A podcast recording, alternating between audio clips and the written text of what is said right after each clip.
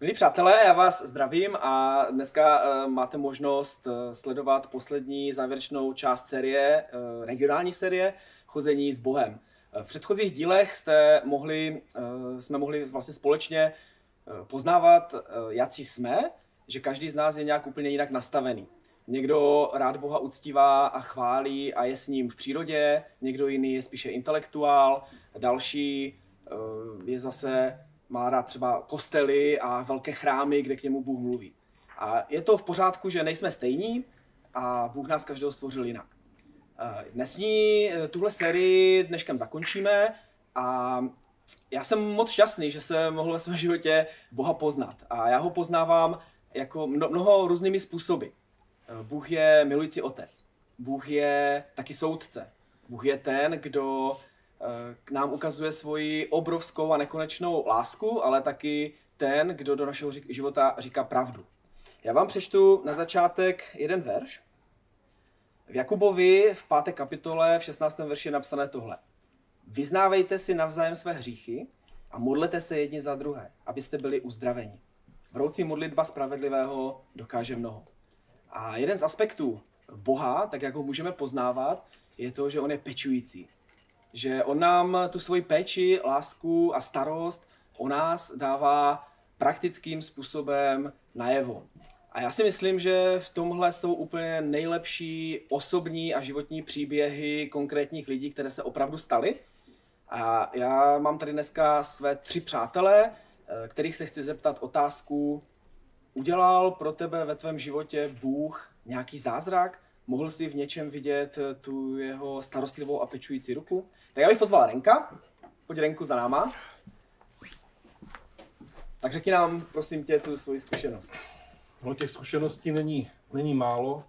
Eh, když jsem eh, přemýšlel tím, co tady, eh, o čem tady můžu svědčit, tak se mi vypavily dvě zkušenosti. Jedna je hodně zdávna a to bylo o tom, jak Bůh je pečující, jak je pečující otec.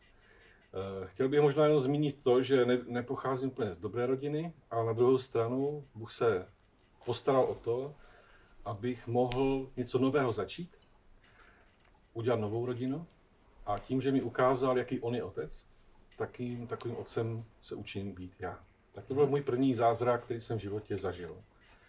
No a druhý zázrak, no možná v té řadě by mohl být několikátý, Ale co jsem si vzpomněl, je takový praktičtější, protože eh, já jsem Bohu nikdy nic moc neříkal o svých zdravotních problémech, jsem si říkal, no to nějak přejde. Ale stalo se mi je to nedávno, to možná tři měsíce zpátky, ještě mohly být schromáždění, tak na jednom schromáždění, kde jsem seděl a ku podivu nesloužil, tak mi pán řekl, abych šel za jednou sestrou, aby se za mě modlila, protože já jsem opravdu v té době neslyšel na jedno ucho a měl jsem ještě jiné problémy docela vážné. Ona to teda nevěděla, a nebyl čas na to, aby se za mě modlila, takže schromáždění skončilo a potom za mnou přišla a chtěla se za mě modlit, tak, jsem, tak jsme se pomodlili a v podstatě do jednoho dne to všechno přešlo. Tak to byly takové dva mm-hmm. zázraky, které bych chtěl sdílet.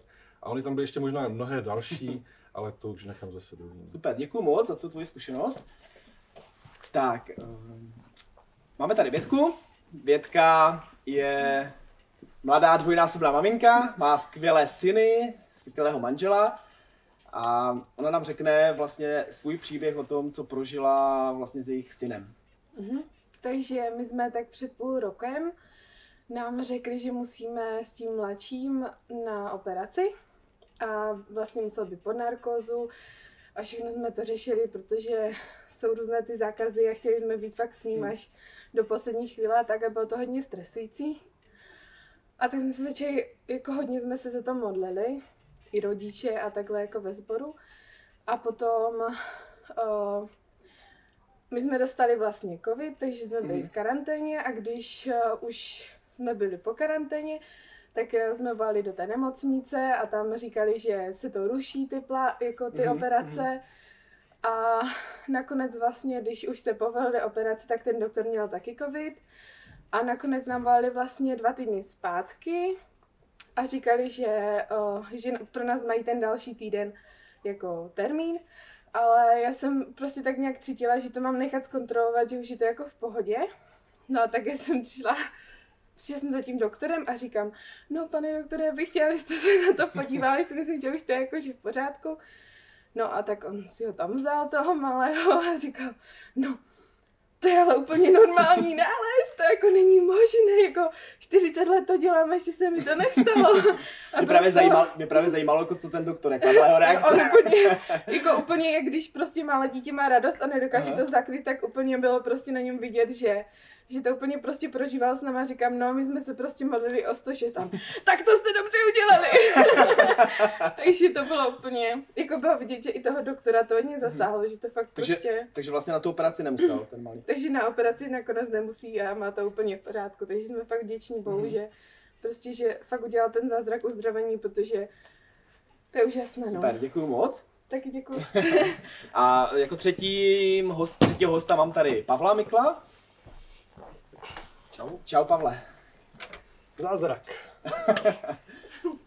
tak uh, představa zázraku je nějaká věc, kdy se stala někomu doroste noha nebo něco takového, ale uh, já když jsem nad tím přemýšlel, tak uh, pro mě je zázrak uh, můj taťka, protože ve svých uh, 72 lezl na žebřík a spadl z něho a zlomil si, já nevím, 12 žeber. A nebyl to takový zázrak, který bych řekl, že se stane lusknutí prstu. Mm-hmm. Právě naopak. A ten zázrak byl v různých vlnách, protože on šel asi na čtyři operace po sobě. Pamatuju si, jak když jsem prosil realisty na táboře, aby se modlili za něho, dokonce z tábora, kdy jsem navdělal toho hlavního vedoucího, tak a eh, mě volala segra s bráchou, že stačko je to špatné a že jestli ho nepřevezou do Zlína, což nebylo tam místo, takže že se udusí, že zkrátka neměl a už tu možnost a doktoři z toho byli, jakože zkrátka to není místo. Nakonec jsem z toho tábora odjel, byl jsem hmm. na tom místě s tím doktorem jsem říkal, že se modlím a tak mi to připomnělo obědku, že pan doktor říkal, dobře děláte, dělejte, protože to nic jiného jako nezbyde. A já jsem za to vděčný i za tu royalskou rodinu, která se modlila, protože když to zkrátím, taťka po další nebo třetí operaci opravdu to bylo jako na vlnách, už jsem si říkal, ale je to zase špatně, byl jsem tady ve sboru a Tomas Manda měl slovo, že je tady člověk, který a je jakoby v tunelu a že teď vidí zase temno a, a říká, že mu Bůh říká, že je to poslední zatáčka. Mm-hmm. A my jsme měli zrovna schůzi společně mm-hmm. s dalšíma a na tu schůzi mi volala Segra, že taťka má vysoké teploty infekce. Mm-hmm. A já jsem říkal, aha, to je ta poslední zatáčka.